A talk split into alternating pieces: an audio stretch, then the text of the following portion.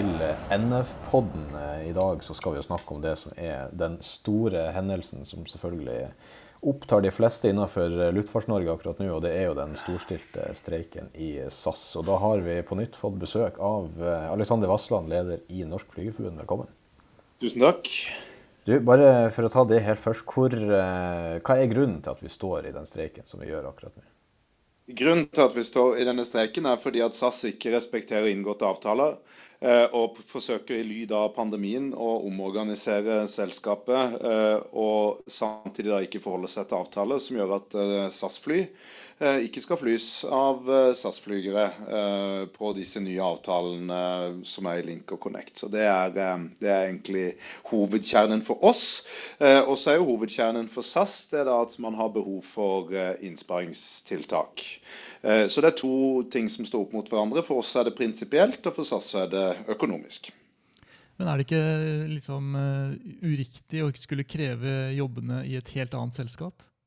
Jo, det kan du si. Uh, og SAS er jo fri til å omorganisere selskapet som de finner det for godt. Det er en arbeids- og en virksomhet sin, sin rett. Men man kan ikke løpe for, fra inngåtte avtaler.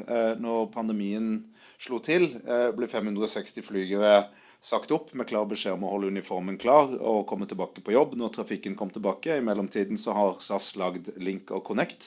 Eh, når jobbene kommer tilbake, så finnes ikke jobbene lenger i SAS, for de sier at de har vi flytta til Link og Connect. Vi mener at eh, også de jobbene da som er i Link og Connect, det er SAS-jobber. Dette er de samme rutene som skal flys, det er de samme passasjerene som skal flys. Eh, og da må man fly de på den avtalen som vi mener er gyldig. Så dette er en måte SAS prøver å omgå tariff inngåtte tariffavtaler på. Eh, og Konsekvensen er da at 450 eh, flygere av de 560 som fortsatt er arbeidsløse, ikke får jobben sin tilbake, men kan få lov til å søke på sine gamle jobber. Og Det er jo ikke sånn vi skal ha det i skandinavisk arbeidsliv. Hvor langt har pilotene strukket seg for å komme til en enighet? De har strukket seg så langt som jeg ikke tror noen andre har gjort eh, i samfunnet under pandemien.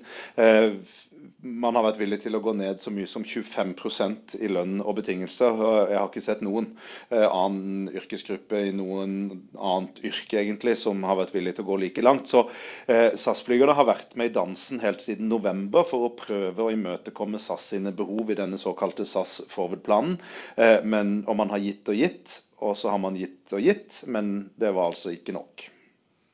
Mm. Men uh, hvor står vi nå, da? Er det noen, som, uh, noen parter her som uh, kan tenkes å gi seg etter hvert?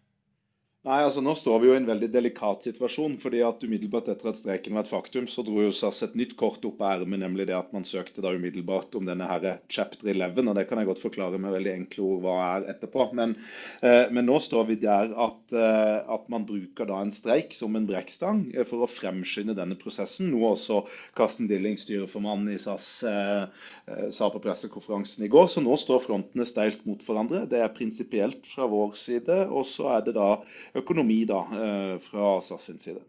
Mm. Altså er det jo ganske skarp kommunikasjon, ser vi. Det har jo, eh, I det streiken ble kjent, så har jo bl.a. Anko van de Werf, eh, CEO-en i SAS, var ute og sa noe sånt som at, at pilotene utviser en respektløs holdning overfor statene som har gitt store lånegarantier til SAS. Hva tenkte du om de type uttalelsene som har kommet fra SAS-ledelsen?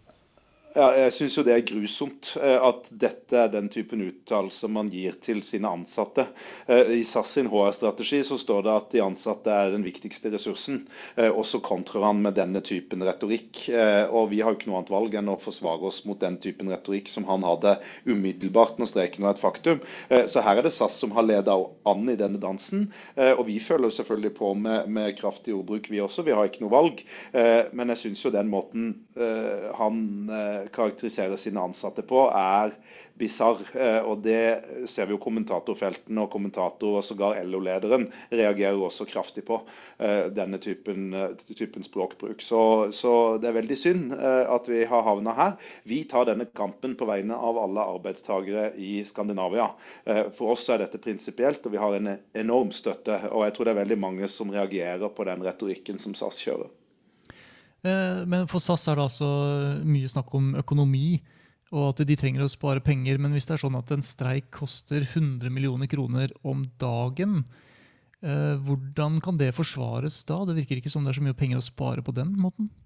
Nei da, de har straks brukt opp det flygerne var villige til å innrømme. Eh, for denne streken koster et sted mellom 70 og 100 millioner kroner dagen. Så, og flygerne var villige til å gi flere hundre millioner. Så det er ikke mange dagene før dette er spist opp.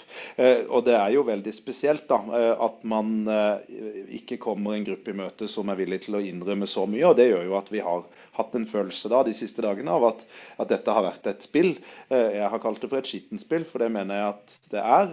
Alle har visst at SAS har forsøkt å komme inn i en finansiell restrukturering, som dette her chapter 11 er, eh, men at det kommer eh, på det tidspunktet at SAS på slutten overhodet ikke var eh, Altså målet flytta seg hele veien.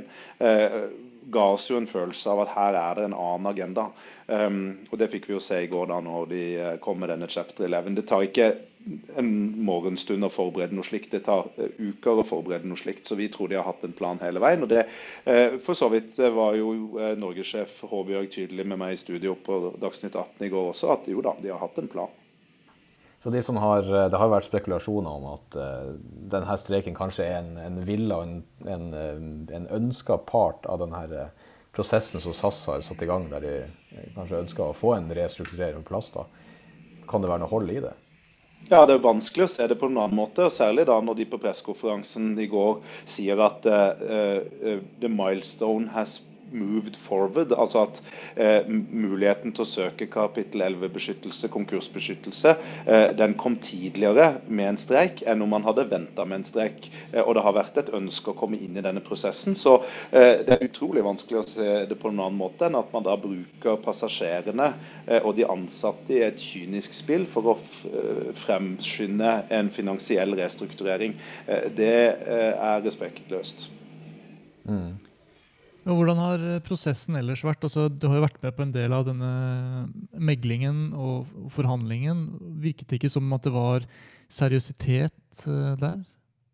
Ja, det er den merkeligste prosessen jeg har vært med og jeg har vært med noen etter hvert. Eh, målet flytta seg hele tiden. SAS stilte bare med et par mennesker de første to ukene av, av sluttforhandlingene, altså selve meglingen. Det var først siste helga man hadde fullt lag.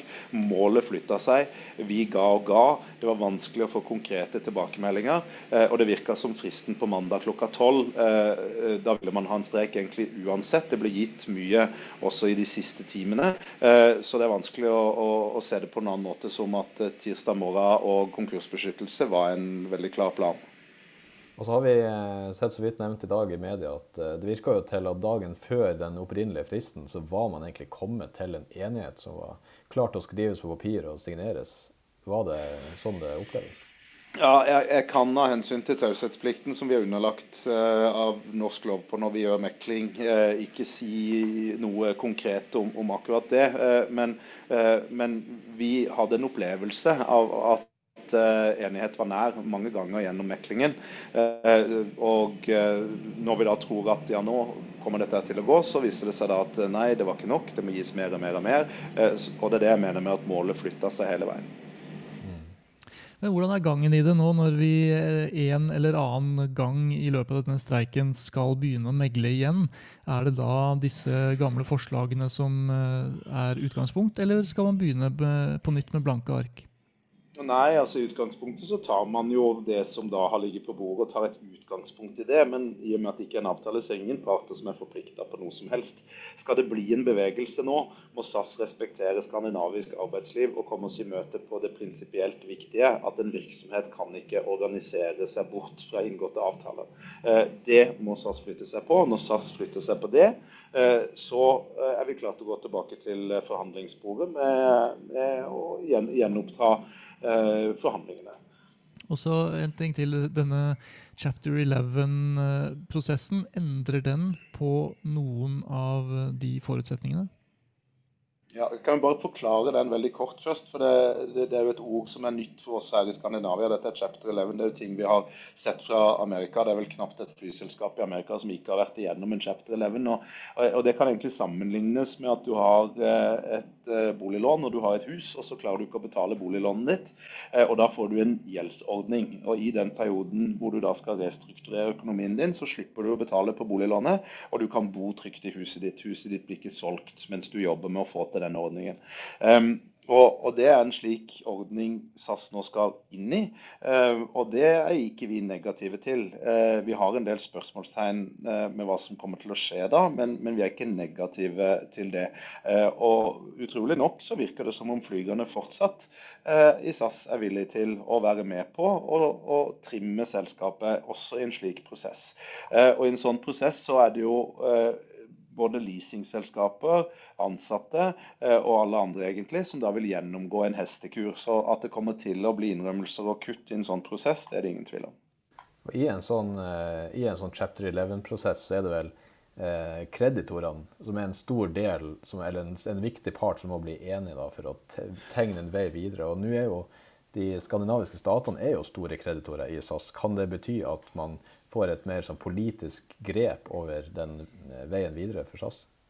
Ja, jeg ser jo I ettermiddag så, så skrives det jo i, i avisen i forhold til hvordan statene vil forholde seg i en sånn prosess. Det er for tidlig å si. Eh, men dette er en finansiell restrukturering. Eh, og det er klart alle som da har en aktiva i selskapene og et, en, er en del av dagens finansieringsstruktur, vil jo også måtte være med inn på en eller annen måte i en, en omstrukturering. Men vi vet litt for lite om det. Det er litt for tidlig å si. Det vi har brakt på det rene, er at eh, dette er en finansieringsprosess, slik at normale arbeidsrettsregler i forhold forhold til oppsigelsesvern, virksomhetsoverdragelse, disse tingene vi kjenner godt fra, fra, vår skandinaviske modell, det kommer til å ligge fast. Eh, og jeg tror jo eh, for egen regning jeg må si at eh, det skal bli interessant å se hvordan amerikanske private oppkjøpsfond tror jeg kommer til å få seg en liten kalddusj i møte med, med skandinavisk arbeidsliv. For vi har en anstendighet i dette arbeidslivet som vi skal ta godt vare på. Mm. Hva med i, i uh, chapter 11-forstanden, så har SAS nå uh, valgt å sende inn en slik uh, søknad. Men SAS er jo bestående av mange forskjellige andre selskaper. skal alt restruktureres, eller er det noe som skal stå utenfor? Og da tenker jeg egentlig mer spesifikt på disse nyoppstartede datterselskapene, sånn som Connect og Link. Den uh, kunnskapen vi har om denne prosessen nå, er at det blir en total restrukturering av hele selskapet, og også de underliggende uh, selskapene. Hvordan opplever dere støtten da, fra, fra uh, verden rundt? Ja, den er massiv. Jeg var så heldig å få meg et flysete til Bodø i ettermiddag. og eh, Med videre da, selvfølgelig. Og eh, jeg talte opp antall internasjonale flygerforbund som har støtta oss, og det kom til 20. Eh, og I tillegg til det så har vi jo da en samla LO-organisasjon i ryggen. Eh, og en samla fagbevegelse utover LO i ryggen. Eh, og eh, de aller fleste LO-forbund har nå vært også veldig tydelige på at dette er noe man støtter. Lederne, Fagforeningen for lederne støtter oss. Eh, og det er en massiv støtte. Vi opplever også en, merkelig nok en, en, massiv støtte fra passasjerene. Vi leser jo uh, i sosiale medier at folk forstår uh, at det er nødvendig å ofre sydenturen sin uh, for å få et bedre skandinavisk arbeidsliv med trygghet for jobben. Og det er klart, Sånne ting kan folk kjenne seg igjen i. dette er jo også en kamp som blitt tatt av veldig mange andre yrkesgrupper, både i forhold til transportnæringen på buss osv., varebil, budservice som det siste vi har sett. Eh, så det er veldig mange som kjenner seg igjen i dette, eh, og forstår eh, hva SAS-flygerne nå står i, og hvilken kamp man kjemper. Dette handler om et anstendig skandinavisk arbeidsliv. Altså oss som ikke nå flyr for SAS, da, som flyr fra andre flyselskaper, hva betyr den, den streiken altså prinsipielt for, for, oss som er kollegaer av disse SAS-pilotene? Ja, den er veldig viktig. og som jeg sier, Dette er ikke en kamp bare for SAS-flygerne, dette er en kamp for oss alle sammen. For Hvis dette er måten selskapene kan få lov til å, eller det blir en aksept for at selskapene kan operere på denne måten, så er det jo ingen av oss som har en trygg jobb. Eh, så dette er en prinsipielt veldig viktig kamp. Og så er det viktig for meg å si atter en gang da, at vi har stor medfølelse nå med de passasjerene eh, som lider under dette. Eh, det smerter oss. De som står i streik i SAS direkte og nå ikke har jobb og ikke til tilgang på sin arbeidsplass når man egentlig hadde lyst til å ut og fly. Dit bærer en stor kostnad. Eh, og så er det jo klart våre flotte tillitsvalgte, eh, både i Norsk Flygerforbund og, og Norske SAS-flygerforening og SAS Norge Flygerforening i YS Parat osv. som står i denne kampen direkte, bærer en enorm belastning nå. Så eh, jeg har lyst til å sende en spesiell hilsen til de akkurat nå. Du, tør du å anslå hvor lenge dette kommer til å vare? Nei, Det er helt umulig å si. Ehm, vi eh, håper det blir kort, eh, men SAS må vise reell forhandlingsvilje. SAS må forstå at dette er en kamp de ikke kommer til å vinne på det prinsipielle. og Når de flytter seg på det, så er jeg ganske sikker på at, eh, at flygerne setter seg tilbake igjen ved, ved forhandlingsbordet. Men det er klart, man, man blir jo skada i en sånn prosess i forhold til tillit. Og Det er jo det sentrale, at man da tror på at det faktisk er reell forhandlingsvilje når man setter seg ned. Eller så vil det jo bare bli nok en øvelse for eh, spill for galleriet. Sånn at vi, eh, vi, er veldig spent på når SAS kommer tilbake. Eh, vi er ikke i tvil om at de gjør det, men vi er spent på når. Og så er vi spent på hvordan det blir. Ja, da blir det spennende å følge med på den videre utviklinga her. Og så sier vi tusen takk for at du hadde tid til å komme på besøk hos oss, forbundsleder Alexander Vassland. Tusen takk, og takk for meg.